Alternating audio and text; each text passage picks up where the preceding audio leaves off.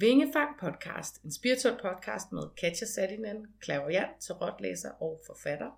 Og Regina Vanke, klaviant, healer og medium. Den podcast, der vil vi se verden med spirituelle øjne. Vi har også en brevkasse. Følg mm. meget mere med inde på Facebook og Instagram. Hej kære lytter, og velkommen til Vingefang podcast, episode 9 med Katja og Regina. I dag der skal vi snakke om kærlighed og sex. Og der, med det emne, der skal vi ind over øh, ja, lidt uh, what is love, mm. noget kærlighedsudvikling, lidt med hjertechakra, sådan lidt udtalelse fra Reginas mand og min uh, forlovede, hvad, hvordan det er at være kærester med en, eller gift med en klaverant og en tarotlæser. Ja. øhm, så skal vi snakke lidt sex og spiritualitet og nogle emner derunder, mm. og så mm-hmm. noget brevkasse, ja. hvor vi har fået nogle super gode spørgsmål i den her omgang.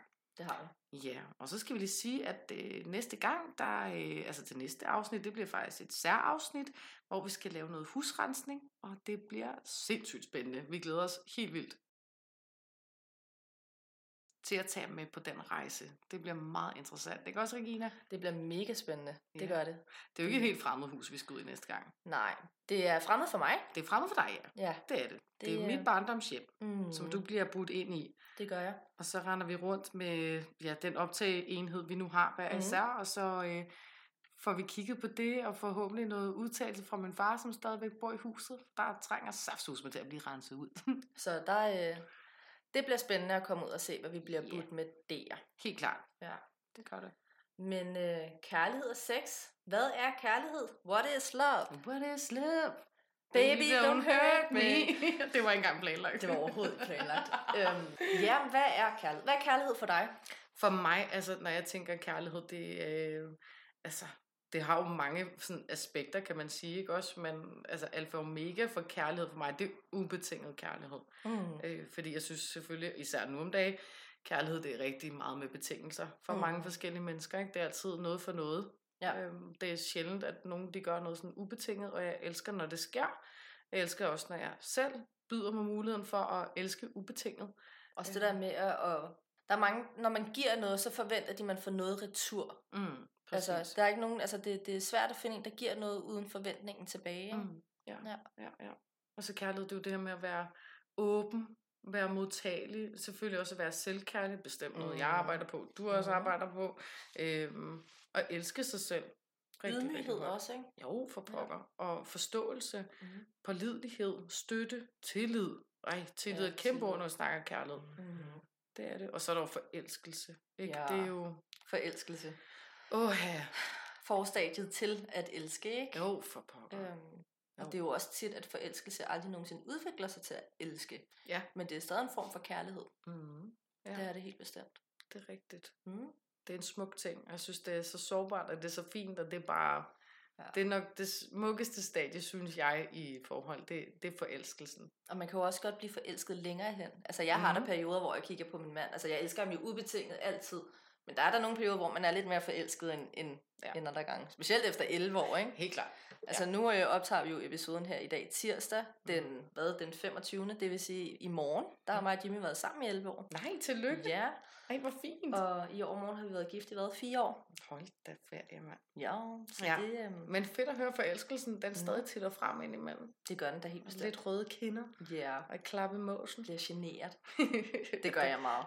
Jeg har det på samme måde, fordi ja. altså, i, i takt med, at man igen har hverdagen og børn og arbejde og alt det her, så når der endelig er en stund til, at man giver sig selv mm. den stund med sin partner, og faktisk sidder og kigger hinanden lidt i øjnene, så kan jeg godt mærke, Uh, Hold da op, det kilder ja. alligevel lidt i maven, det ja. her, ikke? Det er sådan lidt... Det bliver sådan lidt, ej lad være styr på mig. Ja. Jeg, har, jeg har det meget det der med, jeg kan slet ikke... Ja, for det første har jeg svært ved øjenkontakt i forvejen, bare generelt set. Ja.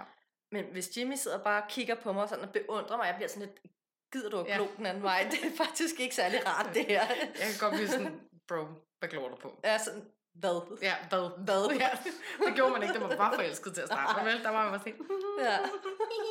Og nu, man, hvad, hvad er problemet? Ja, hvad er det problem? hvad har jeg nu gjort? Hvad har du gjort?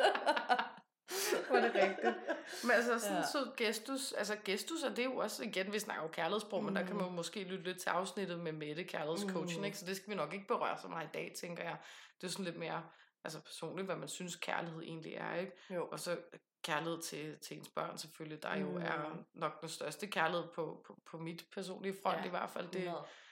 kunne ikke blive mere ubetinget, vel? Men det er også det, der er jo så mange forskellige slags kærlighed, at det er også derfor, det er så svært at definere, synes jeg, fordi der er jo kærligheden til sine forældre, der er kærligheden til sine børn, der er kærligheden mm. til Mm. sin partner, der er kærligheden til sine venner, Mm. til sine dyr, mm. til verden, til sig selv. til sit hår, når til det sin- sidder rigtig godt. Ja, altså det, øhm, så der er jo så Mm. mange forskellige stadier af kærlighed. Mm. Altså vi kan jo ikke engang gå ind og berøre dem alle sammen, vel? Nej, det kan vi ikke. Det kan vi ikke. Det, øh, Overhovedet ikke. Øhm, og det skal vi heller ikke. nej. Øh, altså det, øh, jeg synes bare, at kærlighed er nok noget af det, vi har mest brug for Mm. anno 2023. Ja. Det er jo også det, der ligesom er med, altså når man har, for eksempel personligt, når jeg er rigtig ked af det, Mm. jamen altså noget af det, der hiver mig mest op, det er kærligheden. Mm. 100% for mine børn og 100% for Jimmy, men også hvis det er, at jeg har en veninde eller anden, der skriver, hey, er du ok efter i går, eller Ja. et eller andet, ikke? Altså bare det der, at man ved, der bliver tænkt på en, det er for mig også kærlighed. Ja, at jeg ved, at der er noget omsorg for mig, og der er en, der tænker på mig, Mm.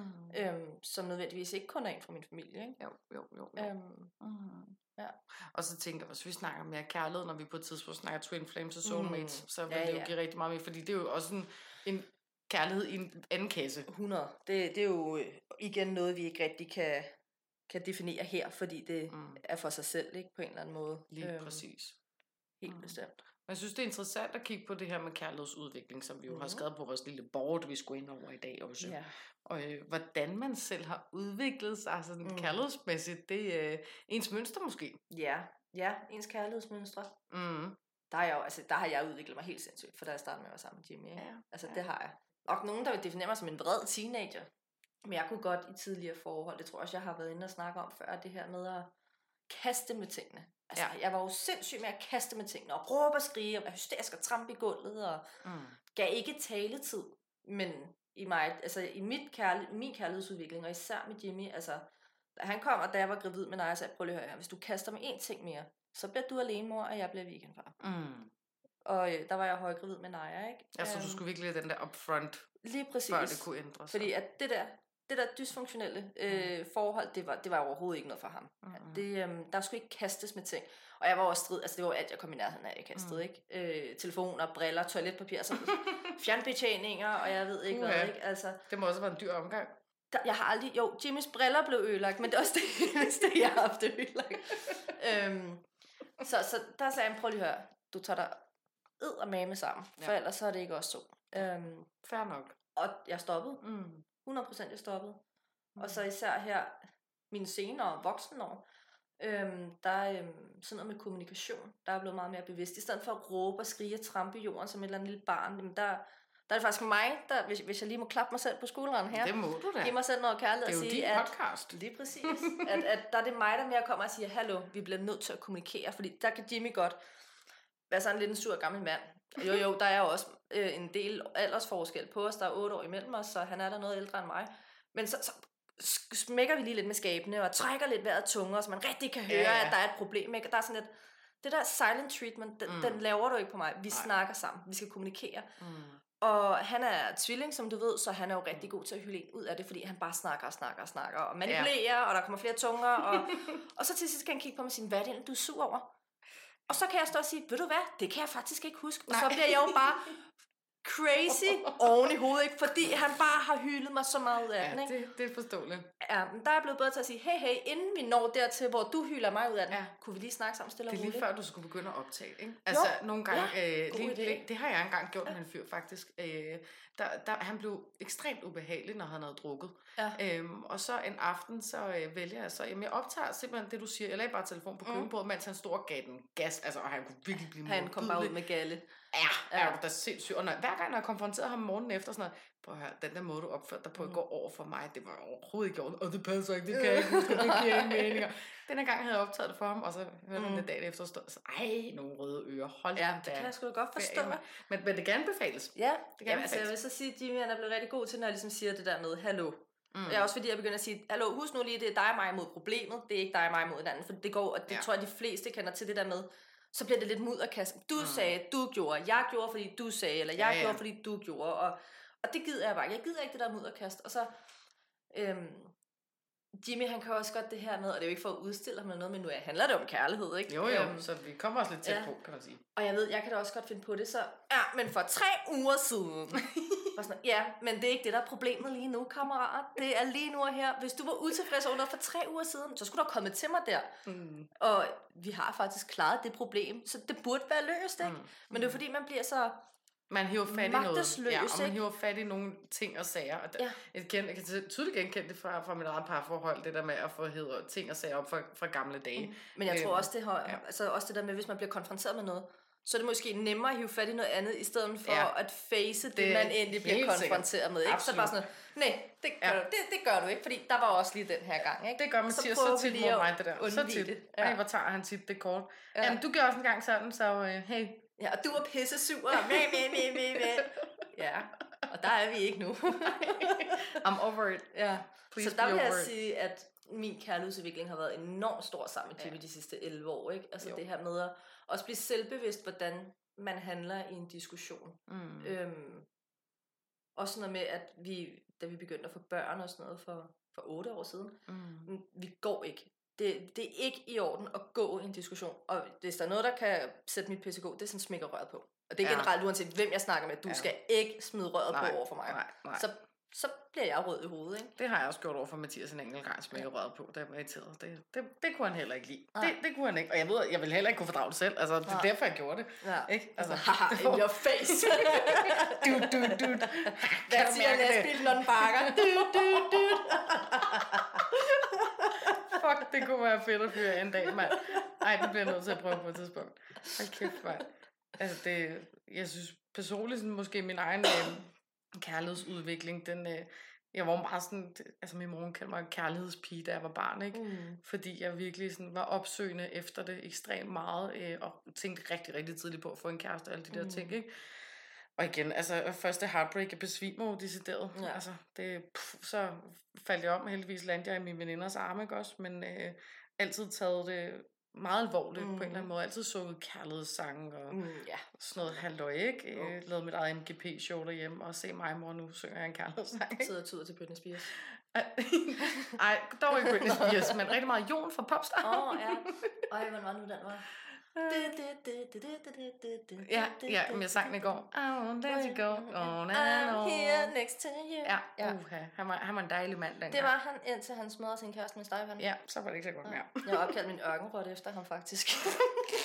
Den hed Jon. That is some fucked up shit. jeg var meget glad for Jon. var det fedt. Jeg var dybt, dybt forelsket i Korve fra B-Boys. Dybt. Åh, det var han den røde hår, ikke? Nej, han var, han var mørkhåret og flot chokoladebrun øjne. Der var ikke nogen rødhår med i B-Boys. Jo, der var. Der var en rødhåret, en mørk og nej, en lys. Nej, mørkhåret, det var Korve med brune øjne, og så var uh, Mathias lyshåret. Jo, og så havde Sebastian, øh, hvad hedder det, mørke flotte afhåret. Jeg var, jeg var til Sebastian, den okay. lyshåret. Ja. Nej, det er Mathias. Mathias hed han. Ja. Han var jeg til. Kend dit B-Boys, Regina. Ja, ja, ja. Men også med Backstreet Boys, der var jeg jo også til uh, Nick Carter. Ja, ja, selvfølgelig. Ja. Jeg var i hvert fald dybt fascineret af Korve, mm. øh, og var til mange B-Boys-koncerter med min gamle veninde og alt muligt. Og... OAB-koncerter, har du været der? Nej, det har jeg faktisk ikke. Nå, der var de også. Ja, nej, det var desværre ikke. Men jeg greb en gang vandflaske. Sådan. Det var så Mathias' nice. nice. Så gemte jeg den hjemme på mit teenageværelse og stillede den op som sådan en trofæ ved siden af nogle andre fede ting. Og Men det er jo kom... også kærlighed. Jamen, det er det da. Men så kommer min fucking farmor og synes, hun skal rydde op på min værelse, der hjemme, og så smider hun den fucking vandflaske ud. Kunne du se mig få et flip? Oh. Nej, hvor var jeg sur. Hold da op, der, ja. der blev skrevet dagbog. Jeg hader dig, far, jeg hader dig, jeg hader dig, jeg hader dig. Så var det ikke hjerter. der var dødninghoveder. det var der bare. Dødninghoveder overalt, du mand. Hold kæft, og kryds. Ja. Ja, så. En lille kiste og gravsten. Og... Det, det, altså, og fantasien, der ligesom mm. lå i alt det der med fascination, det, jeg kunne oprigtigt tro, altså sådan, det var, at det var ægte kærlighed. Men mm. det har jo været en mm. kærlighedsfølelse, som, som meget, meget ung, kan man sige. Ikke? Men der er jo heller ikke et eller andet sted noget, der slår, altså den der, altså forelskelse med den første rigtige mm. kæreste, på en eller anden måde, vel? Altså, mm. jeg har selv ligesom dig været i forhold nærmest i hele mit liv, ikke? Mm. Jeg tror, jeg har haft sammenlagt et, ja, det et år som single de mm. sidste 17 år. Ja, lige præcis. År. Jo, jo, så der har jo været masser af kærlighed på spil, kan man jo sige. Mm. Helt klart. Altså, men jeg tror, der hvor jeg ligesom har jeg når ind i et ret usund, usund mønster, og, og det er jeg udmærket godt klar over, da jeg ligesom er i et parforhold med en mand i lang tid, eller fyr, vi er jo ikke så gamle, vi er en 13-14 år, da vi mm. finder hinanden, ikke? Og, øh, og det ender hurtigt ud i rigtig meget utroskab, hvor man vend, bliver ved med at vende tilbage, og mm. det står helt på indtil, ja, indtil jeg 19-20 år mm. gammel, tror jeg, ikke? Jo. Øh, frem og tilbage, og, øh, og ja, hele tiden løbe tilbage til ilden på en eller anden mm. måde, og få et eller andet kick ud af det, og en dag, der var jeg bare færdig med at blive behandlet sådan der. Fucking done, adios amigos, dude. Mm. Og jeg har aldrig vendt mig om siden til den person. Aldrig. Øhm, slet ikke, og jeg godt have sådan drømme om det igen. Men så møder jeg jo så et andet menneske langt senere hen, øhm, og der kan jeg godt mærke, hold op, der bliver der ed med at trykke på mine adrenalinknapper mm. her. Altså det var virkelig øh, som at blive vækket op til et liv, jeg ikke havde kendt før. Mm. Og øh, var rigtig, rigtig højt flyvende i et par år. Øhm, og det var også kæmpe rutsjebanetur. Så det med at komme ned på jorden igen, efter sådan en forbindelse, det er surrealistisk. Mm. Og det føles utrolig kedeligt, mm. når man har været altså hele ens blod, det bare ja, ja. pumpet rundt i kroppen på den måde der, det man har mærket. Det er jo en form for drug, altså når man det, er i sådan en forbindelse. Ikke? Der er, er du det. høj på den kærlighed her, ja. og når det går dårligt, så er det der, man får sin down-periode, og det er der, mm. man virkelig øh, mangler sit fix. Ikke? Ja, og så når du så faktisk kommer i den fuldstændig afvending af det. Mm. Men jeg vil også sige, at det var 100% den relation, der lærte mig at elske ubetinget. Mm. Jeg har ikke mødt det menneske, så havde jeg ikke lært at elske ubetinget. Mm. Det tror jeg ikke. Måske på en anden måde. Men, ja, ja. men her, der lærte jeg virkelig at uh, se fuldstændig over min egen behov. Øh, mm. Og det var rent magisk. Altså, det var det. En kæmpe læring. Absolut. Og så møder ja. jeg jo så Mathias, som er langt mere stille og rolig, som stadigvæk kan få mit uh, blod i kog. Det er helt sikkert mm. at trykke på de rigtige knapper. Men som jeg også bliver mega forelsket i, men på en helt anden måde. Mm. Det er jo langt mere roligt og steady og lojalt, og jeg ved 100% hvad jeg står op til i morgen, mm. og det er rigtig rart. Ja, det, det kan jeg godt forstå. Men det, der er helt klart kæmpe forskel på mm-hmm. de her mhm. forelskelser. Kæmpe, mm-hmm. kæmpe ja. forskel. Men her der, der, der er sikkert, der tryk, der er rart. Det, ja. mm, det, det er min redde. Ja. It's my home. Det er dit fundament, ikke? Yes. Kan jeg 100% godt sætte mig ind i. Så der kan jeg godt se min egen kærlighedsudvikling i hvert fald. Mm. At gå fra det der, og crave det der helt mm. sindssyge, crazy, crazy love, og så til noget, der er steady. Ja. Mm. Ja, altså jeg har selv haft, øh, altså min første rigtige kæreste var 8 måneder, men min første rigtige forelskelse, det var ham, der kom bagefter. Vi var sammen i 3,5 år, ikke? Mm. Øhm, og da jeg finder ham, der har jeg været 12, og han har været 13, eller sådan. Nej, det passer ikke. Jeg har været 13, og han har været 14, ikke? Mm. Og der var vi også sammen i 3,5 år, og, og jeg har jo stadig kontakt til hans familie den dag i dag, ikke? Øhm, men han var ultimativt også, altså vi var langt bedre som venner end som kærester. For Men det, det var også var, man kan finde ud af det. Lige præcis, altså for der var så meget jalousi fra hans side af, at det var også det, der var med til at ødelægge det. Mm. Men det var jo dengang, der var Arto, der fandt jeg også, der, der, der fik jeg lige lavet sådan en faker-profil der. Og den der, kære øh, gæstebog, den kære gæstebog. Ja, og, og chatten med vildt mange pædofile. Lige præcis. øhm, men der finder jeg så ud af, at han faktisk øh, skriver med en anden pige, mens han er sammen med sine drengevenner. Mm. Øhm, men det var bare så svært, fordi vi boede hos hinanden. Vi havde en hund sammen, alle sådan nogle ting. Og han boede hos mine forældre, jeg boede lidt hos hans mor, og så lidt hos hans store brødre, og alle sådan nogle ting. Men, men det, det, det var et hårdt breakup, men 100% også det bedste, fordi vi fungerede bedre som ja. venner, ikke?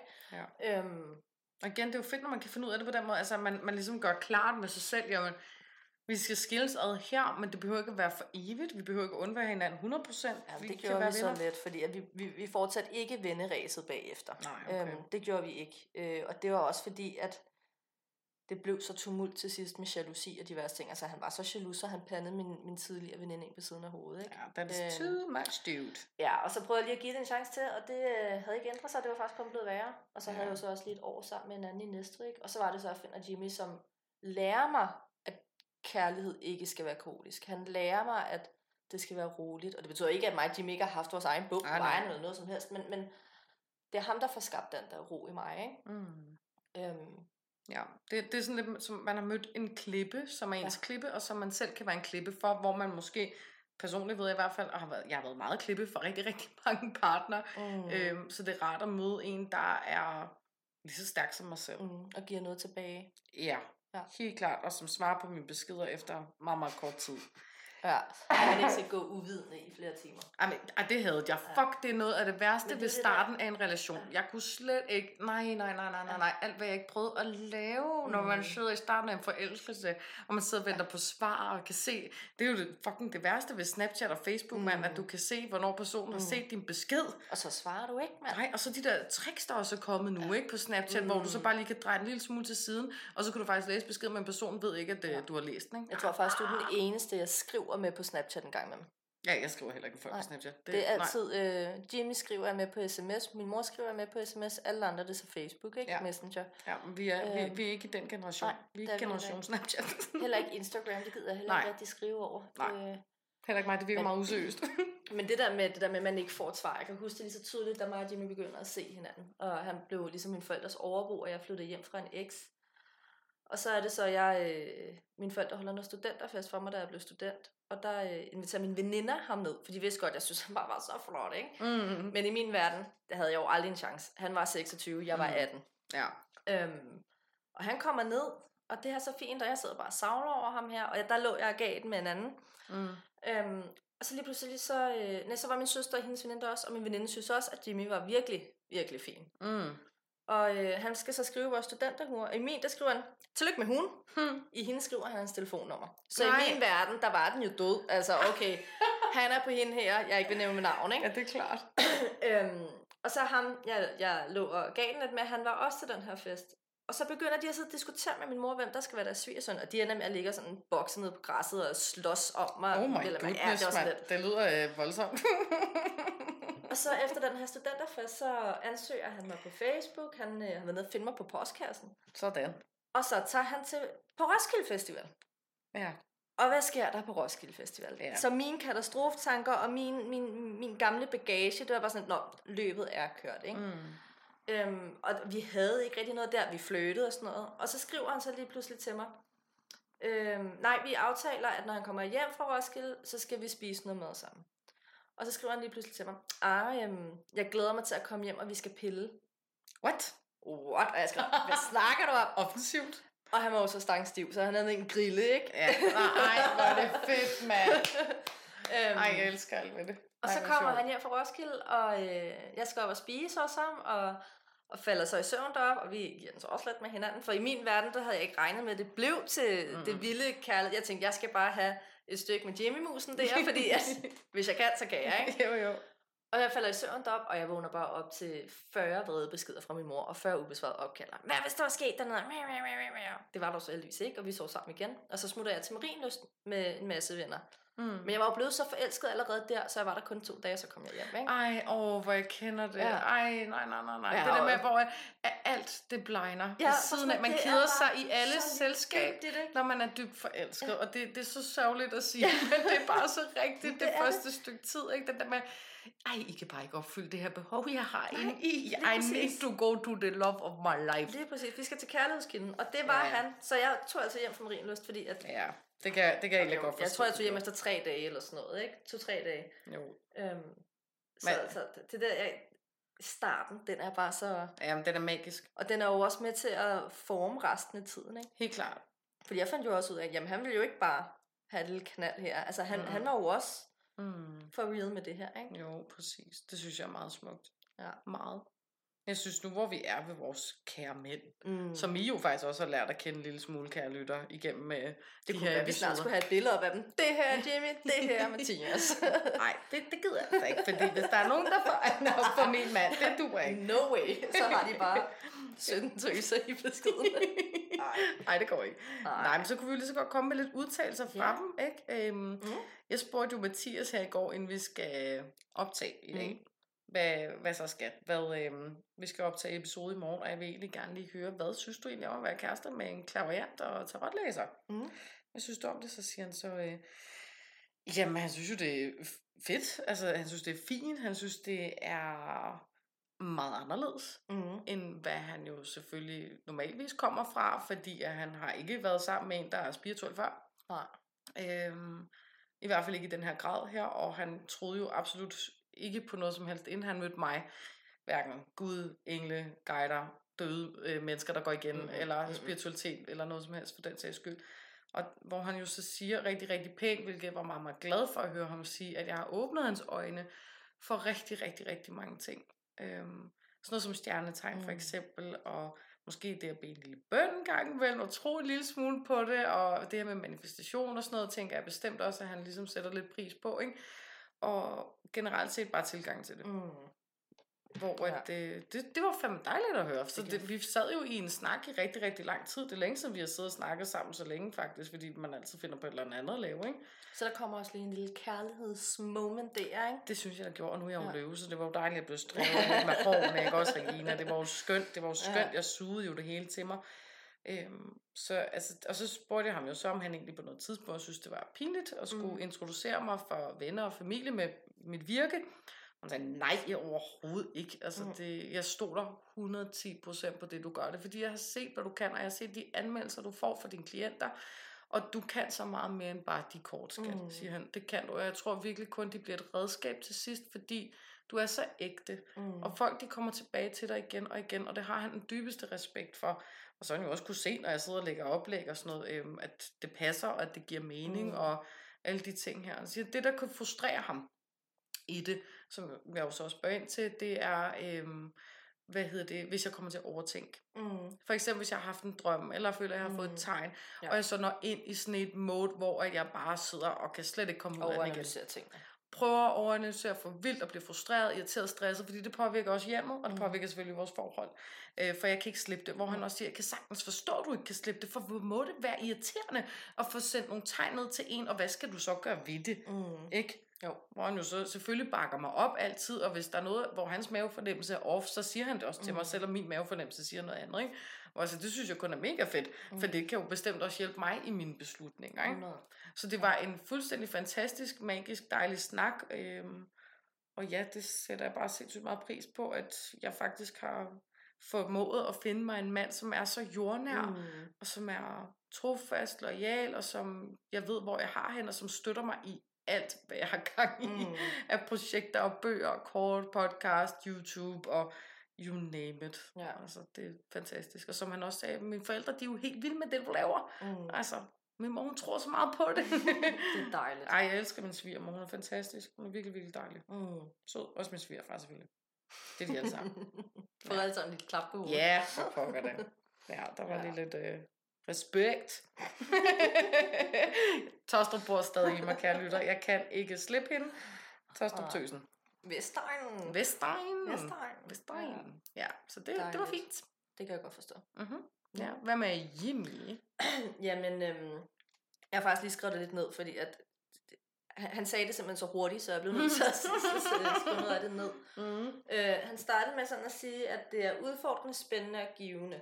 Mm. Altså, hvad er det? Altså, det er meget muligt, men hvordan? Ja. Altså, jamen, det var udfordrende, fordi at det dræner min energi nu, når jeg arbejder. Mm. Øhm, og, og, og det, kan, det, det kan han godt synes er lidt udfordrende, det der med, at okay, nu har hun arbejdet, nu er hendes energi drænet, nu skal hun lade op. Mm.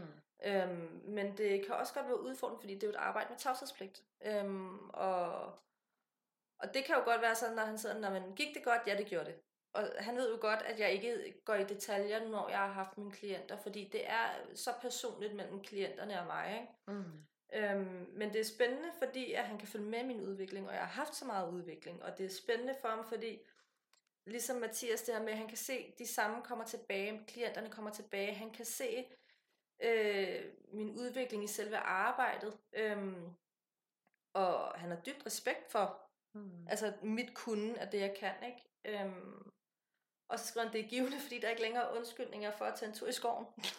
fordi jeg skal ud og grounde. Ja, så sådan, skal vi tage i skoven? Nej, du har ikke nogen undskyldning. Du skal lige ud og grounde.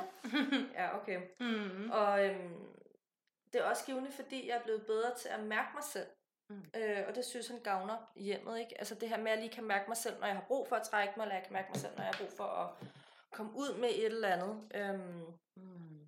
Og ligesom Mathias, så var Jimmy også enormt skeptisk. Altså, han troede heller ikke på noget der. Han er meget videns... Øh, faktabaseret. Ja, han er meget faktabaseret. Mm. Øhm, men hans egen evner er også åbnet sig helt vildt op. Og det er også tit, jeg sidder, når vi ser fjernsyn, eller vi spiller Playstation, eller et eller andet. Så du det, skal? Så siger jeg, nej, så det ikke. Der er en her. Okay, men så er det dig, han ja. henvender sig til, fordi at det er jo også det der med de afdøde bare fordi jeg mærker en, en er du ikke ens betydende med, at dig, Katja, du vil mærke den samme, oh, fordi de henvender sig jo til, mm. hvem energien er det rette match. Yep. Øhm, så han er jo selv blevet meget mere bevidst om det, og det synes han jo også er enormt spændende. Øhm, mm. også ved, og, men, men igen også det her med at overtænke. Den, den kan han også godt sådan, slappe nu af, ikke? Jo. Øhm, jo. Der er det en god klip at have til gengæld, ja. men altså det, når jeg først får et tegn op fra, jeg, jeg er nødt til at tage det seriøst. Ja. Og det, der har jeg det sådan, at hvis jeg ikke tog det seriøst, hvad ville der så ske? Mm. Ærligt talt, jeg har ja. fået de her evner af en højere årsag, og jeg er nødt til at tænke mm. over næsten ja. alt, ja. hvad der kommer min vej. Mm. Mm. Så det, ja. altså, men man kan sagtens forstå dem, at det er frustrerende. Absolut. Ja. Hvor må det dog være død irriterende en gang ja. imellem. Jeg spurgte ham også, altså, er du lidt bange for at være kæreste med en klaverjant? Vær nu bare ærlig. Er du lidt, små bange, og lige med tissebukserne, øh, og jeg måske kunne se noget i dig, som mm. du ikke har lyst til at vise mig. Mm. Nej. Nej. Nej. Nej. Så øh, skruer vi lige, tager vi lige musklerne på. Ja, det gør vi. Nej, i hvert fald. Nej, jeg ved det. Jeg ved, han er, ja. han er pisserad, du.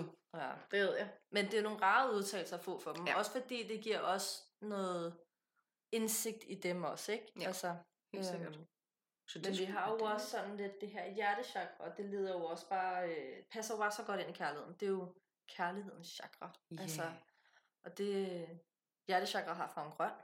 Mm. Og den grønne farve, det er meget sådan universal farve, øh, i hvert fald når vi bruger det i healing, i rækkehealing.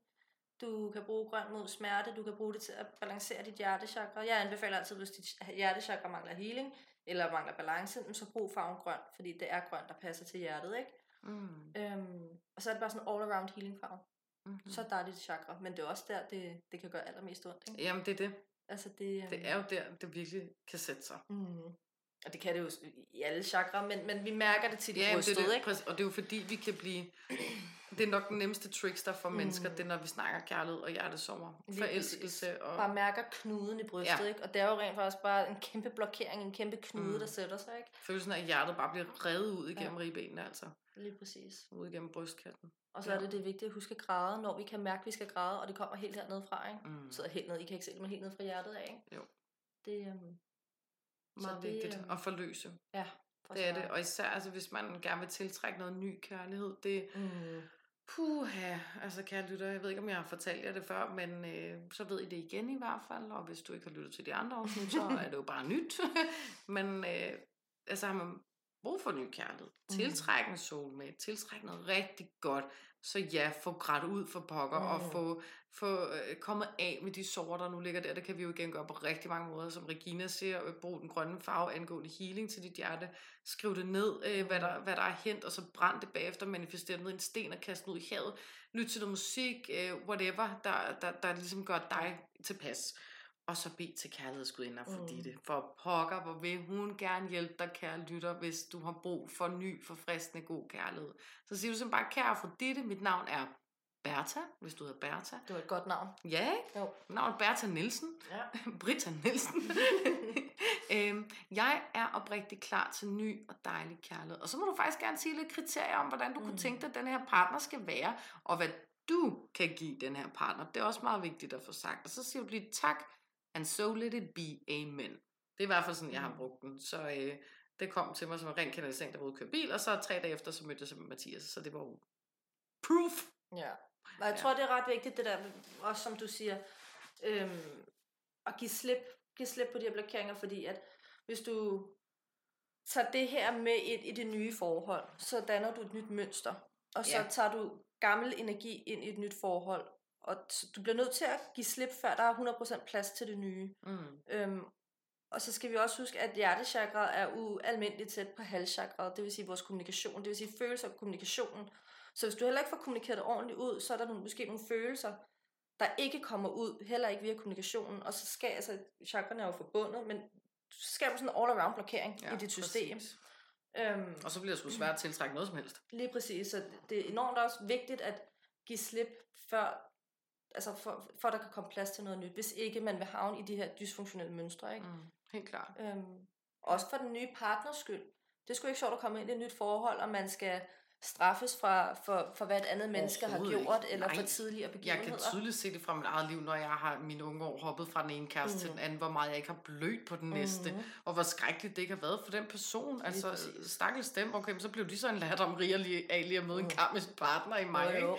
Men, øh, men da jeg så gav det for alvor en pause efter min tvillingssjælsforbindelse, øh, til der, hvor jeg så møder Mathias, den pause, den var guld værd mm. for mig og Mathias, som jeg møder mm. senere hen, det er 100% sikkert. Ja. For havde jeg ikke haft den pause, jamen så havde jeg garanteret videre. Mm. Altså, mm, så det er pisse fucking vigtigt. Er det samme her? Jeg har besluttet for, at efter 10 år i et forhold, nej ikke 10 år, 8 år i et forhold med to, tre forskellige, at nu er det slut, nu skal jeg være single. Ja. Nu skal jeg nyde at være single. Jeg når at mm. være single i hvad? Fire måneder, og så kommer Jimmy, ikke? Altså, Men så du det når bevidst ikke... at sige det til dig, og det præcis. tror jeg også er en kæmpe forskel i det her. Præcis. At man siger til sig selv, jamen nu er jeg single, ja. og jeg bruger den her tid konstruktivt med mig selv. Mm. Og jeg har ikke brug for en, jeg har ikke brug for en mand. Mm. Ja. Det skal være en bonus. Han. Lige præcis. Ja, det skal være en bonus. Lige præcis. Og lige pludselig bliver man bare pisseafhængig af det der jordnære ja. element, der sidder derhjemme, mand. 11 år senere. kan du ikke lige tørre mig i røven, Han vil gøre det 100%, han vil gøre det. Mathias og det er så sindssygt, mand. Det tror jeg godt, at jeg kunne glemme alt om, mand. Jo, hvis du var så syg, at du ikke kunne noget, ja, han ville være der. Ved, ja, selvfølgelig vil han det. Selvfølgelig vil han, han det, det, det. Jeg siger ikke, at det ikke er, fordi de står og kaster op i håndvasken imens, men de vil være der.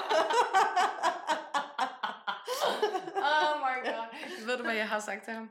Nu har jeg jo set Bachelorette, ligesom du har, mm. og jeg er jo blevet fuldstændig besat af det her med, vil du tage imod min rose? Prøv lige at høre, kære lytter, når jeg siger det rigtig tæt på, ikke? Vil du tage imod min rose? Altså, det, det er jo noget, man har lyst til at høre på hele tiden. Jeg er blevet, besat, jeg, jeg er blevet besat af det inde i mit hoved. Øhm, så jeg har sagt til Mathias i går, efter vi havde den der gode snak, siger, ved du hvad, skal hver aften, og siger til ham, det er det noget, jeg bestemmer. Fordi nu er vi i løvesæson, og det er min tur. Det er min tur nu. Og så siger han, hvad nu? Så siger hver aften, inden vi går i seng, så skal du tilbyde mig en rose. Det behøver ikke at være en rigtig rose, men du skal bare sige til mig, må du have min rose? Nej, jeg tænker på noget helt andet, når Mathias ligger der og siger, vil du have min rose? det kan være, jeg er ligeglad, jeg er ligeglad. Og han, han vender du hvide øjne, du er sindssygt skat, jeg gider ikke, lad nu være, og stop nu, please, hold nu op. Med den her tatovering, jeg siger, nej, hvor du hvad, jeg nyder det, og jeg elsker at pisse ham af jo. Mm. Og det ved han jo mm. også godt, at det er lidt for til at stikke lidt, men det er, bare, det er mit kærlighedssprog. Mm. At drille lidt, og trick ham lidt, og skubbe en lille smule, og få ham til at gøre noget, han ikke kan lide. altså, masochist. du følelsesmasochist, der er du. Totalt, mand. Ej, så siger jeg til ham i går aftes, da vi så er kommet i seng, så ligger man på hans brystkast. Skat, var der ikke noget, du lige skulle spørge mig om? Vil du have min rose? det var så fedt. Ej, ja, I så... Men hvad sker der for, at hun valgte Boris? Ja, det var godt med det pæne der. Det er, jo, det er jo det der, jeg vil hægte op på uh, adrenalinen. Ja, 100 det er adrenalin. Det er jo det der, det er ja. spændende, det er eventyrslysten, men med mm. sødstig, som virkelig er vokset på mig. Mm. Han ville jo kunne give hende verden.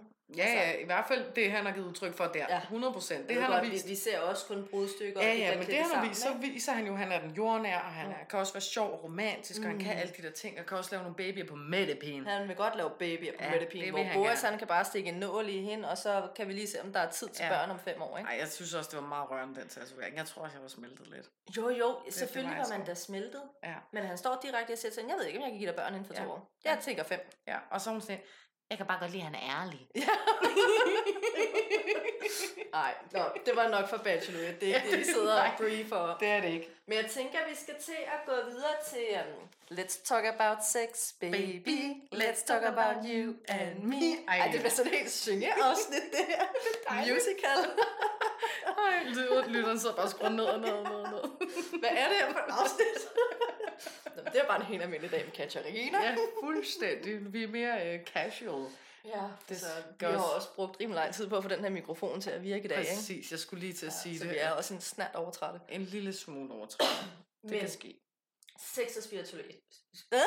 Sex og spiritualitet. Yes. Ja. Hvor er vi henne, hvor er vi henne, hvor er vi henne? Jeg tænker, at vi er på noget, den her forløsning. Mhm. Ja. Altså, der kan ja. komme, ikke? Åh, oh, er du øhm, sindssygt, Når man er stresset, for eksempel, ja. eller sur, øh, bare sådan anspændt. Altså, jeg vil så godt lige pointere, at jeg er i skorpion. Jeg, skulle, så... jeg troede, du skulle til at sige, at jeg er i sølibat. Nå, nej, det er jeg ikke. Men, men jeg er jo den der, Hvor at der er vi jo meget ens os to, og det ved mm. jeg jo fordi at, i privaten. Men hvis Jimmy har pisset mig af, mm. gud fanden nej, mm. om vi overhovedet, du overhovedet bare skal tænke tanken. Ja. Og vi skal have noget hanky-panky, om vi skal hjem mm. og knulle, for det kommer bare ikke til at ske, når du har pisset mig af, eller hvis nej. vi har været uvenner. Nej. Hvor at du er jo, ved jeg, ja. har vi været fucking uvenner, så bliver det bare verdens bedste sex. Det gør det bare. Det, det er bare bedre, end det nogensinde har været før. Er du og det værste er, at Mathias, han har det jo på akkurat samme måde. Ja. Fuldstændig. Altså, det, vi kan have været i det mest latterlige dumme skænderi, som bare var i evighed, og ja. råbt og skrædder, og jeg har stået og vist patter udenfor, og rent mig røven, dit svin, og, altså, og så skal vi lige... Ja, man spørger jo ikke engang. Det sker Nej, jo meget naturligt i den der tilstand ja. der, ikke? Og så, det bliver bare det, det er bare godt for mig og ham, men vi er også ved at løbe, der er fundet sammen. Der er meget, meget ild til stede, men det er også og meget temperament. forløsning af skænderiet, hvor Præcis. jeg er sådan lidt, gud fanden nej, om du får et stykke med det her. Ja, ja. Vi er bedre til at snakke om det bagefter. Ja. Når vi ligesom har fået den fysiske forløsning, så kan vi sætte os ned bagefter, måske lige tage en smøg eller et eller andet, og så lige, okay, hvad skete der? Ja, er vi klar til at snakke nu? Ja, er vi klar til at snakke? Ej, vi skal lige have round two. ja. Ja. Men altså også i den her forløsning, det er jo bare, uanset hvilke følelser der er i spil, så er det jo bare enormt dejligt. Jeg tror, mm. altså de fleste, medmindre man er aseksuel eller man mm. har en, nogle betingelser, der gør, at det ikke er dejligt. Så, så vi fleste nyder vel sex. Ja, det tænker jeg. Især øh, hvis man er tryg. Ikke? Altså jo. det gør jo en, en gigantisk forskel. Det er ultimativt vigtigt at være tryg. Tryghed og tillid. Ja. Ja, for søren. For at det kan være rigtig godt, ikke? Jo. Og forelskelse, det, det er nok der, den kan pike rigtig meget, ikke? Oh. Men der er der jo også det der med sådan, ej, åh oh nej, hvad hvis han kan se min mave nu? Mm. Og, oh, det har jeg ikke prøvet før. Men, ja, præcis. Hvad hvis jeg ikke er god nok? Og, ja. og det var jo ja. en kæmpe hemmesko for mig, da jeg begyndte at være sammen med Jimmy. Igen, mm. jeg var 18 år og finder sammen med en på 26. Jeg bor på landet, hvor vi har haft et diskotek, og ellers så var der 30 km til det nærmeste diskotek. Jimmy har boet midt i Amager, og øh, kender alle byens piger, ikke? Mm. Altså, øhm, og alle diskoteker. Han har også arbejdet som bartender. Ja. Han har været restaurantchef, så det er jo... Mm. Han kommer jo fra det her miljø. Kommer fra et meget flyttende miljø, generelt, Lige præcis, ikke? hvor at mm. det er nemt. Det ja. er nemt at få en... En dame på krogen. En dame på krogen. Det var ja. noget pænere end det, jeg vil sige. Ja. øhm, hvor at jeg kommer jo bare med den her kæmpe usikkerhed, og jeg har jo kun været i faste forhold, og lige haft et par måneder, hvor jeg ikke har været i fast forhold, og ja. Og han har jo bare lært mig sindssygt meget i den. Altså, alt det, jeg troede, jeg ikke kunne lide, jeg fucking elsker ja. det, ikke? Altså, ja, han har bare åbnet sådan verden. Det er det jo. Ja. Og selv efter 11 år, han rykker stadig mine grænser. Selv når jeg tænker, nu kan vi ikke rykke flere grænser, det gør han stadig. Det er fantastisk. Øhm, det er fedt. Det, øhm, det er rigtig dejligt. Mm. Det er, er det. det. Og så kunne udforske ikke? Også mm. at blive ved med at udforske lige hinanden. Præcis. Lige præcis. Ja. Det, det, øhm, det, det, kan jeg sagtens sætte mig ind i, og det er ja. fantastisk. Helt sikkert. Jeg glæder mig til mig og Mathias, vi når det på. Det gør jeg helt sikkert. ikke, det er ikke, fordi det er kedeligt, men vi er bare så dårlige til at få det prioriteret her for tiden, ikke? Fordi, igen, altså, det, det er bare... Alt andet er så meget nemmere, mm. ikke? Det er lige før, det faktisk næsten kræver et skænderi, og så lige pludselig, så, nej, men helt seriøst, og det, jeg ved godt, at vi bliver private nu, her podcast, ikke? Og hvis man er sart, så bare lige, ja, jeg ved ikke, spole to minutter frem. men det er simpelthen hver gang, at vi når at skulle have noget fritid sammen, mm så får menstruation. Ja. Så kommer tante Det er faktisk ikke engang løgn. Også når jeg har været over hos os eller den, så har du menstruation. Ja. Hver gang. Ja. Det er som om, der bare kommer ind og siger, nej, det kommer sgu ikke til at ske nu. altså, så ja, så må man jo finde på andre sjove løsninger, ikke? Men jo, jo. det skal jo også ikke kunne lade sig gøre, jo. Ikke? Så uh, helt klart, altså vi uh, skal blive lidt bedre til at udforske hinanden sådan mm. rent seksuelt. Mm. Altså, det ved jeg, vi begge to gerne vil. Det handler bare om at gøre det. Ja. Simpelthen. Så, men det kan jo være, at I os noget inspiration. ja, det, du, har, du, du har da fået lidt inspiration hjemme hos os. Ja, det synes jeg da. Det synes jeg da, jeg har. Bare stået som sådan en flue inde i soveværelset. Ej. Ah, hvad er det? Hvad er det? Ej, det er spændende, den Hvordan der. gør du det? Hvordan virker det her? Nå ja, ej, det havde jeg ikke glemt.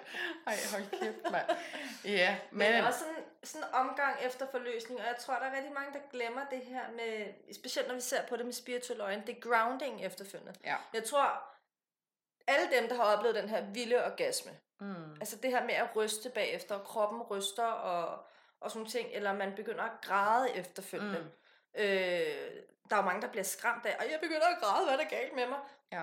Din krop har haft, har haft brug for det her. Ja, præcis. Altså, din krop har brug for at give slip, fordi du har ikke gjort det. Ja, så gør kroppen det for dig. Mm-hmm. Så, så, og hvor er det fedt, at det kan gøre det. Det er ikke tænkt, at vi kan ty til noget så, undskyld mig, simpelt mm-hmm. som sex, for at få en fantastisk forløsning. Ja. Lige præcis. Det kan godt være, at manden han får en forløsning, ikke også? Jo, jo. Men vi andre, altså vi andre kvinder, de kan jo andre. få forløsning i netop i det her igennem, at mm. virkelig få et kæmpe tudeflip bagefter, ja. og bare, ah, der er så meget, der kan ja. blive sluppet. Men der er bare rigtig mange, i hvert fald jeg er medlem af nogle Facebook-grupper, hvor vi snakker om sex, mm. øhm, og der er bare så mange jeg oplever at være enormt skræmt over det. Er det normalt? Ja, og ja, forstå. det er normalt. Du skal mm. Tage imod det. Mm. Og så i den her tur, hvor du græder, og du ryster, og du føler, at alt bare ramler sammen. Der er jo nogen, der nærmest føler som et angstanfald ja, ja.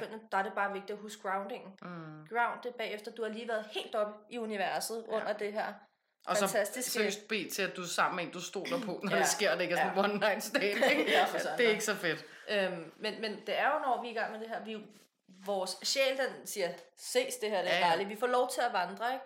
Så jo. husk at komme ned bagefter. Det kan du gøre med healing, krystaller, ja. en bøn, alle sådan nogle ting, ikke? Jeg øh. tror faktisk også, næsten sådan forløsning, den kan kun komme, når du faktisk kan mm. slippe under sex. 100. Altså, når ja. du er med. Fordi igen, hvis vi snakker one night stand, så giver du måske ikke så, slam, så meget slip, som du måske vil gøre, hvis du sammen med du stoler 110% på, vel? Det er jo også først, når vi stoler på dem, at vi kan give slip på kontrollen. Ja. Og når vi slipper kontrollen, så er det den her forløsning kan komme, ikke? Præcis. Uden at være sex-ekspert. Ja, øhm, så grounding derefter ja. er selvfølgelig rigtig godt. Det er det. Og værd at huske at gøre. Ja. Også fordi det vil hjælpe dig til at kunne altså den her forløsning, at få en, altså, få en afslutning på forløsningen mm. også, så den ja. ikke bare vandrer der ud ja, af, ikke? Og præcis. du sidder, altså der er jo mange, der, efter, der, der går i flere dage og tænker, er der noget galt, og er jeg ked af det, eller hvad er det, jeg mangler, eller mm. gjorde jeg noget forkert, men hvis du lige husker at grounde, så, så afslutter du den, ja. og så kan du være klar til næste omgang. ja, round two. noget, jeg synes, der er fedt, nice, og som bare virker, det er helt klart det med manifestationer under sex mm. og orgasme. Mm. Især når du ligger en orgasme. Det kan godt være lidt svært at komme ind i den tanke, mm. øh, hvad du godt kunne tænke dig, men øh, du er jo i en fantastisk eufori, og der mm. sker så meget i din krop, når du får en orgasme. Og når du ligger der og nyder det, og fuldstændig kan høre stjernerne synge, skulle jeg sige, så få sendt det ønske afsted, mm. kære lytter. Øh, også om du, om du onanerer, det er faktisk fuldstændig irrelevant. Ja, ja. Bare du har en orgasme, så whoopty, prøv lige at få, få lavet en lille liste inden da, inde i dit hoved, øh, hvad pokker du godt kunne tænke dig, og så få sendt det afsted. Det bliver sådan en lille ritual. Nå, jeg skal lige skulle ned. Så, nu skal vi lige ind og klare den, og lige spille DJ. Jamen, de gange, jeg har gjort det, der er ikke gået mange dage, så er mit mm. ønske viser øh, fysisk foran mm. mig. Og det er... Øh, jeg, jeg forestiller mig lidt, der er sådan en lyskanal, at man bare er sådan en lyssøjle, mm. når du mm. er i din orgasme, og du er i den der eufori ja. af glæde og lykke og alt muligt halløj, og så er du bare klar til at ja. gribe fat omkring det, du godt kunne tænke dig. Altså, jeg har ikke selv prøvet at sende manifestationer ud. Nej. Øh, under en orgasme. Nej. Øh, men det kunne da være, at det skulle prøves. Ja. Ja. Jeg har øh, lavet healing kraftfelt, når at, øh, det gør jeg ret ofte, når vi skal sove, så ligger vi sådan kraftfelt til natten, ikke? Af mm. healing. Og det har vi da knaldet i. Mm. Øhm, det lyder sjovt, når du siger det sådan. men jeg tror ikke, Jimmy han mærker den store forskel. Men jeg ved jo, at den er der. ja, lige præcis. Øhm, men hvad går det ud på at du ligger et kraftfelt i sengen? ja, men det er gennem Reiki lærer vi at lave forskellige kraftfelter med healing øh, mm. og tegn. Øhm, så der, der ligger jeg også i sådan et kraftfelt. Jeg, det er også tit, om, øh, at jeg ligger ungerne i det. Så, mm. så ligger de og sover i et healingskraftfelt, så bliver de healet, mens de sover. Okay, øhm, og så ligesom I bliver genopladt, mens I har sex, eller hvad? Eller sover? Ja, sover. Så bare mm. det vi er i feltet, ja. så øh, får vi healingen, og så er det jo alt afhængigt af, hvad, hvad intentionen er. Det kan være, okay, i nat der er vi bare brug for at blive renset, eller hvis mm. vi har mm. været uvenner, vi skal have kærlighed, så ja. bruger jeg jo farven lyserød eller grøn, ikke? Yes. Øhm, ja, sex, der vil jeg, hvis jeg tænker, nu skal vi knalde, mm. det skal godt, så vil jeg måske nok ligge øh, orange og rød, fordi det er en ja, blanding af hara chakra og, og grounding, ikke? Yep. Øh, hara er orange, og, og grounding er rød, og så ja. er rød jo også passion, ikke? Helt sikkert. Øhm, og aggression. Og aggression, tag fat det om det padder. Tag dem så. Der er fandme altid lidt aggressivt der, ikke? øhm, men, men så, så, så, ja, under sådan en... Øh, øhm, det var lidt nøjere. Der blev det der. lige slået lidt ud af den, fordi at syngeskålen, den lige sagde en rigtig fin lyd. Nej, hvor sjovt. Ja, det kan da være, at... Øh, det, det har vi da ikke prøvet før. Nej, det har vi ikke, at min syngeskål siger en lyd sådan af sig selv. Der er ikke nogen af os, der rørte den. Overhovedet ikke. Vi sidder med altså begge to hænderne nærmest under bordet. Ja. Nå. Nå, jamen spændende. Det kan være, der er noget, der siger, at vi snart skal til brev. Det, tænkte, det var faktisk min første tanke der. Hallo, nu er vi på tiden til brevkassen. Skal vi så ikke bare hoppe til det? Jo, det synes jeg. Det synes jeg. Brevkassetid.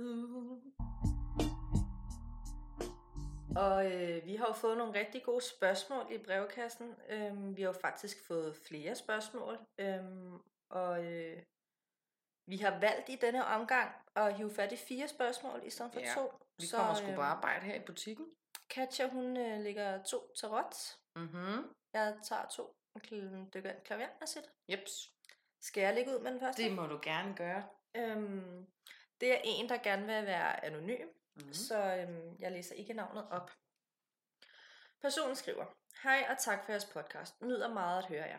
Vi takker og bukker og nejer. Mhm. Jeg har et spørgsmål til næste brevkasse. Jeg blev skilt for nogle år siden, efter øh, et meget langt forhold. Derfra har jeg kun fået den kodning, at jeg kun kan bruges til sex. Så jeg har virkelig modstand på kærlighed og sex. Hvordan ser det ud? Hvordan og hvornår får jeg mod på det igen? Jeg vil jo gerne. Øhm, og mens jeg sådan sidder og skulle vælge, hvem øhm, jeg skulle tage i brevkassen, der er jeg jo også tunet ind på din situation. Og jeg vil sige, at det første, du kan gøre, det er helt klart healing i dit hara chakra. Hara chakra, det er der, øh, vores seksualitet sidder. Det er også der, vores feminine energi sidder. Øhm, og hvad jeg mærker, så der er ikke nogen tvivl om, at i det her, den her øh, skilsmisse, der har du fået nogle hug. Især på dit feminine aspekt, men, men også på, på tilliden øh, til, til den maskuline energi. Og det går ind og sætter en blokering og, og diverse ting nede i det chakra her. Øhm, så en masse healing der, og det kan du gøre selv, og vi har også snakket meget om, hvordan vi kan, vi kan heal forskellige mm. ting. Øhm, eller opsøge en behandler, der gør det. Det er ligegyldigt, om det er en krystalhealer, om det er en reiki-healer, om det er en, der healer uden noget. Bare du er tryg ved den behandler. Øhm, Mm. Omring dig med farven orange. Gå gerne i orange tøj. Mhm. Øh, Orange smykker. øh, jeg vil også sige, at øh, jeg vil helt klart anbefale dig, at du går ud og anskaffer den krystal, der hedder karneol. Karneolen, den er super god, godt, super god til øh, vores hara chakra. Øhm, og går ind og øh, støtter det rigtig, rigtig meget. Øhm, og så tror jeg, at øh, det jeg mærker, det er helt klart, at du skal øh, ind og bearbejde det her forhold med din eks, øh, før at du er klar til at komme videre, som vi snakker om før, det her med at slippe tingene, så man ikke tager det med videre. Jeg mærker øh, helt klart også, at øh, der er nogle blokeringer i forhold til det, at der er noget, der ikke er blevet bearbejdet 100% i forhold til din eksmand. Øhm, og derfor kan det kan din sjæl ikke rigtig komme videre, og dit psykiske sind, fordi du hænger lidt fast. Øh, så jeg kan ikke sige noget med hvornår, men jeg kan øh, fortælle dig hvordan, Mhm. og hvad, for, hvad du kan gøre for at skabe vejen til hvornår, hvis det giver mening. Jeg synes, det var et mega godt svar. Altså, og gode redskaber, som mm. Personen kan hive fat i. Det håber jeg. Helt Det sikkert. håber jeg. Ja. Lad os håbe det. Ja. Skal jeg så tage den næste? Det synes jeg. Okay, og der er jo blevet slået på et lille syngeskål, kan man sige, så jeg Det tror der. faktisk ikke, jeg skal røre ved den i dag. Han, den, han slog selv, skulle jeg så sige. Ja. Han slog selv. Jamen, øh, vi har en besked her fra en Helle. Hun skriver, kære Vingefangs, to meget dygtige og respektfulde værter. Det er dejligt. Tak, Helle. Det er mega sødt skrevet. Hermed et spørgsmål til dagens podcast. I kærlighedsforhold bliver jeg altid gået fra, og jeg ved aldrig hvorfor. Det gør selvfølgelig ondt og føles meget respektløst. En rungende tomhed, så pludselig at være usynlig. Det mærkes især i halschakra og selvfølgelig i hjertechakraet. Hvis dette spørgsmål læses op, gætter på, en af også mærker det i halsen og begynder at hoste. Beklager, skriver hun også. Mm. Du skal slet ikke beklage, Helle, men det er rigtig sødt, at du gør det. Jeg kan jo allerede mærke, at du er et mega sympatisk menneske, øh, og enormt rummelig. Jeg vil også sige, at jeg læste dit spørgsmål, øh, inden vi gik i gang i dag, Regina og jeg med optag, så kildede det bestemt også i min halschakra. Jeg hoster ikke, men det kildede. Øhm, så vi skal jo bare dykke lidt ind med tarotten her til dig, kære Helle. Og så håber vi kan finde nogle øh, rigtig brugbare svar til dig også. Så lad os da gøre det. Nej, det skal være den her, vi bruger.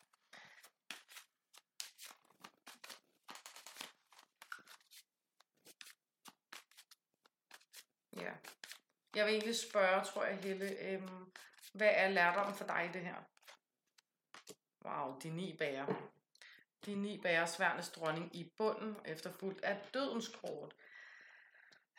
Det er noget af en lærdomsrejse, du er blevet sendt på med det her med at, ligesom at blive, være den, der bliver forladt. øh, bliver gået fra, som du kalder det. Øh, de ni bærer, det fortæller om at fokusere på sig selv. Altså det er det, vi kalder tarottens egoismekort. Øh, og øh, det er bare overført til almindelig dansk. Det er ikke fordi, det skal lyde ondskabsfuldt at sige egoistisk overhovedet ikke, fordi det er det ikke i det her tilfælde. Det er øh, rigtig smukt at kunne stille sig ind og blive, øh, komme i balance med sig selv igennem sit ego. Fordi du har fokuseret rigtig, rigtig, rigtig meget på andres energi, når du har været i en relation. Og øh, det har fyldt meget. Øh, så meget, at du næsten kaster dit eget liv til side og griber den andens fuldkomment. Og det er skidt. Og det er til dels usundt.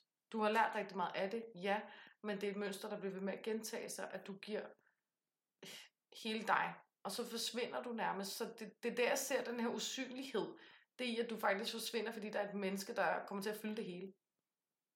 Øhm, så lærdom er at tænke på dig selv. Og have dig selv forrest.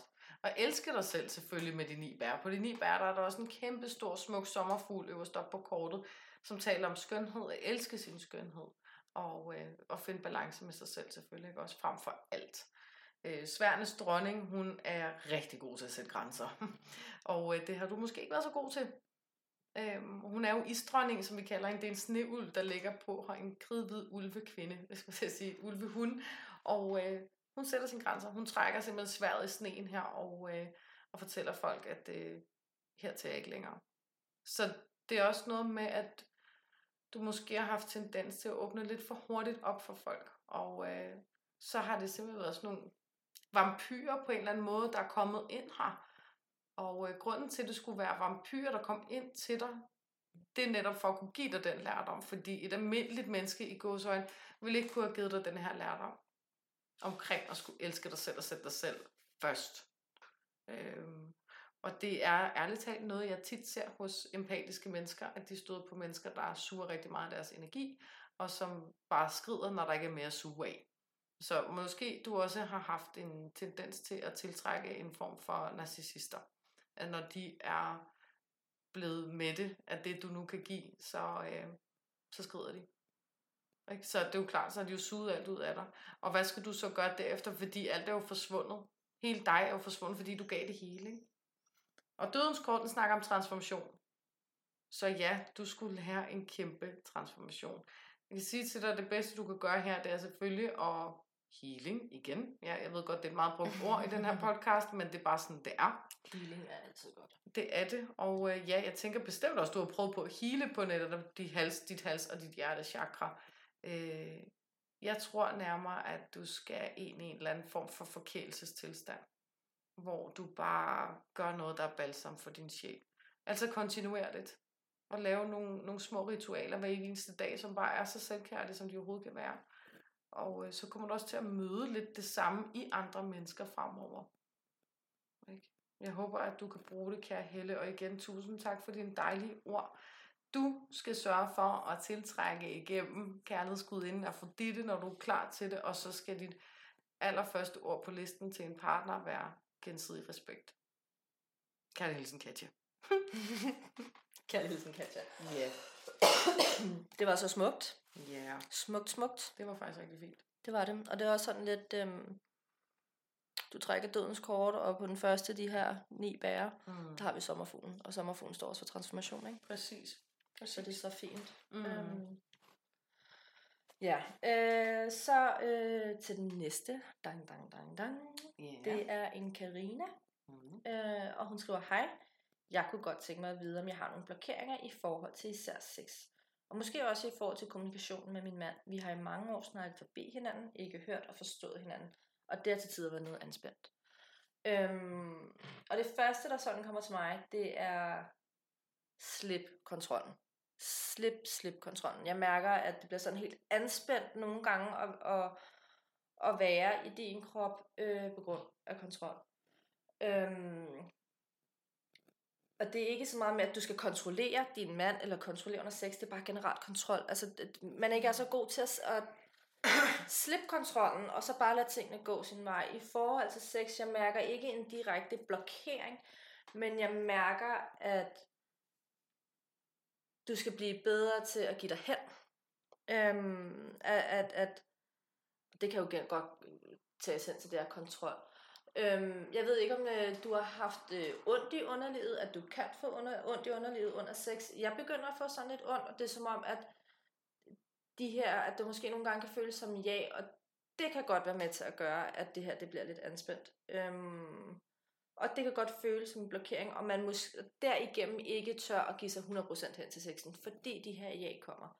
Øhm, ondt i underlivet, det kan komme af mange ting, øh, også sygdomsmæssigt, men oftest, det, min erfaring er, at der er noget her igen, der skal heles. Der er nogle blokeringer i underlivet, øh, som du skal have kigget på.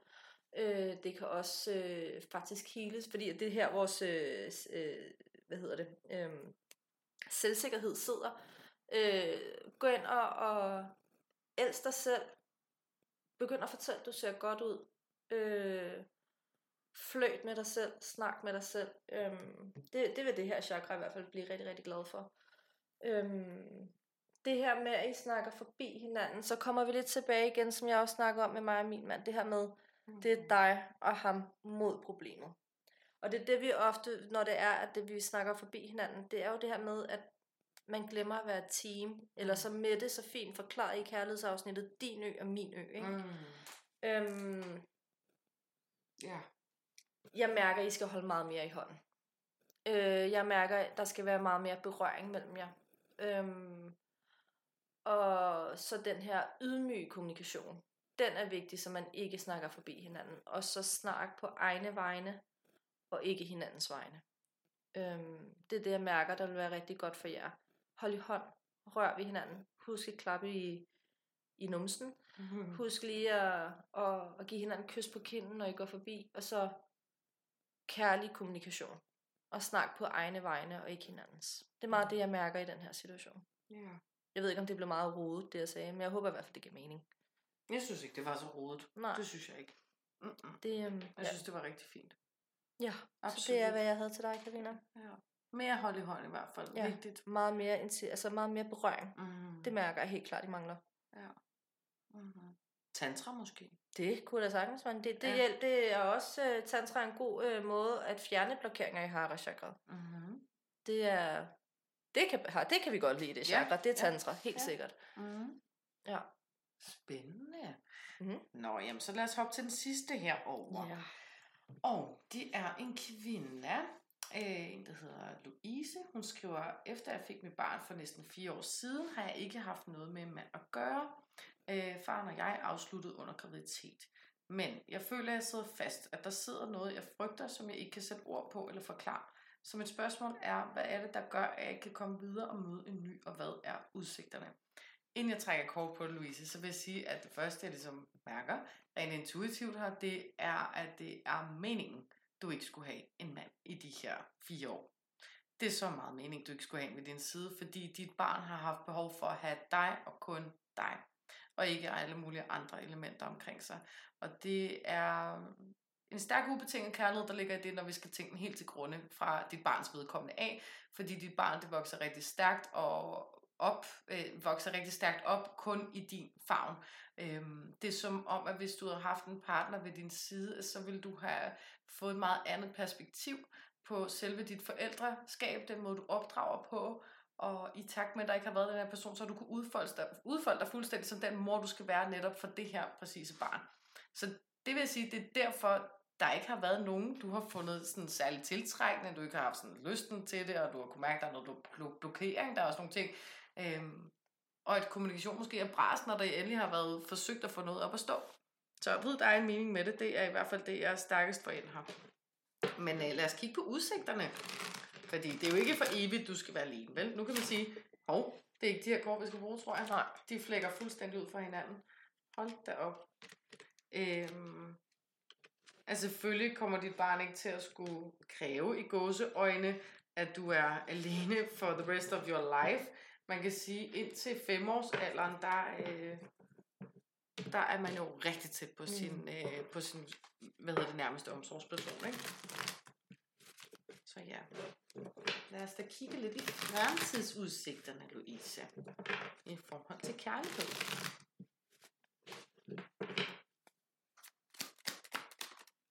Page of Cups, der ligger et dejligt kærlighedstilbud. Page of Cups er en romantiker, der kommer her tilbyder noget smukt og noget fint og noget dejligt. King of Cups, wow. Så det er en, som øh, øh, rigtig, rigtig gerne vil dig herude i fremtiden. Og Temperance. Øh, det er nogle rigtig smukke kort, der er her. The Empress i bunden. Det er en, der 100% gerne vil have børn med dig øh, som kommer din vej her, som øh, gerne ser, at I kan lave noget familieforøgelse sammen. Og øh, jeg tænker, at du godt kunne finde på at hoppe på den, fordi at du kan se, hvor godt den her person kommer ud af det med dit nuværende barn. Og øh, det er det, der også ligesom gør, at du åbner mere og mere op. Det er fordi, du kan se, at det her menneske faktisk er god med børn, og oprigtigt kommer med et rigtig, rigtig godt hjerte. Når vi ser Page of Cups og King of Cups og Temperance, så snakker vi en sindssygt god og dejlig energi. Det er et menneske, som er meget rummelig, tålmodig, romantisk, dejlig, sjov, balanceret, harmoneret, ikke ude i alle mulige problemer med stofafhængighed og kriminalitet og sådan noget bullshit. Det er down to earth with a lot of love. Så Louise ved, der er en mening med, at du ikke rigtig har haft en person på den måde til i dit liv de sidste fire år. Det er fordi, at ellers så vil din unge ikke vokse op og blive den unge, den skal være, og få al den kærlighed for dig, og al den visdom, du kan give. Så, og så ved du kommer til at møde et pisse dejligt menneske. Mm. Det gør du. Det stråler ud af kortene i hvert fald. Mm-hmm. Så fint. Yeah, der er der i hvert fald noget godt i vente. Mm. Det er der, helt sikkert. Så, ja. ja. Men det var jo lidt de spørgsmål, vi havde i vores brevkasse. Det var det, og det har været et interessant afsnit. Det har det. Der er blevet grint og sunget lidt. det er ja, der også. Ja. Det ja. bliver jo noget mere seriøst næste gang, kan man sige. Til det gør det. Der skal vi jo, ja, som sagt, ud og øh, lave en lille husrensning. Mm-hmm. Øhm, og det kommer til at foregå anderledes, end øh, når vi sidder og optager her i vores lille studie. For her der sidder vi jo med en mikrofon, øh, mm. som regel over for hinanden. I dag sidder vi ved siden af hinanden. Mm. Øhm, men til den her husrensning, der øh, kommer vi til at gå hver for sig og optage hver for sig. Så vores lydmand, mm. redigeringsmand, han kommer over til at få et kæmpe arbejde foran sig. Yes. Men øhm, good luck. I kommer til at være helt med tæt på, hvordan Katja hun husrenser renser, mm. og hvordan jeg husrenser, fordi at det gør vi ikke ens. Uh-uh. Det er der ikke nogen, der gør. Uh-uh. Øhm, og kommer tæt på de afdøde, der nu måtte være der, og mm. portaler, om der er væsner, og diverse ting. Jeg interviewer beboeren lidt, håber vi, ja. på at han siger ja til. Håber han er hjemme. At han øh, vil fortælle en lille ja. smule om øh, hans oplevelser i hjemmet mm. også, ikke? Ja, noget, noget oplevelse inden, og så... Mm håber vi, vi kan få en udtalelse efter, efter et par dage måske, eller et eller andet, yeah. ikke? Øhm, Præcis. Så det, øhm, det, det, bliver er, godt. det bliver rigtig godt. Det glæder vi os til at kaste os ud i. Bare ja. vent, Regina, der er pisse uhyggeligt derhjemme. Og jeg er glad for, at vi tager dig hen om aftenen. Det er, ja. fordi så får du mærket den helt rigtige stemning. Ja. Øhm, du har ikke lyst til at gå rundt dagen alene. Nej, det skal nok gå. Ja.